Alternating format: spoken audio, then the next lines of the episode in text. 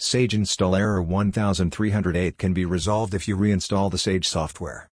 In addition, you can repair Sage 50 software either by using the control panel or installation files. In the given post we are explaining the complete steps to fix the issue Sage 50 install error 1308.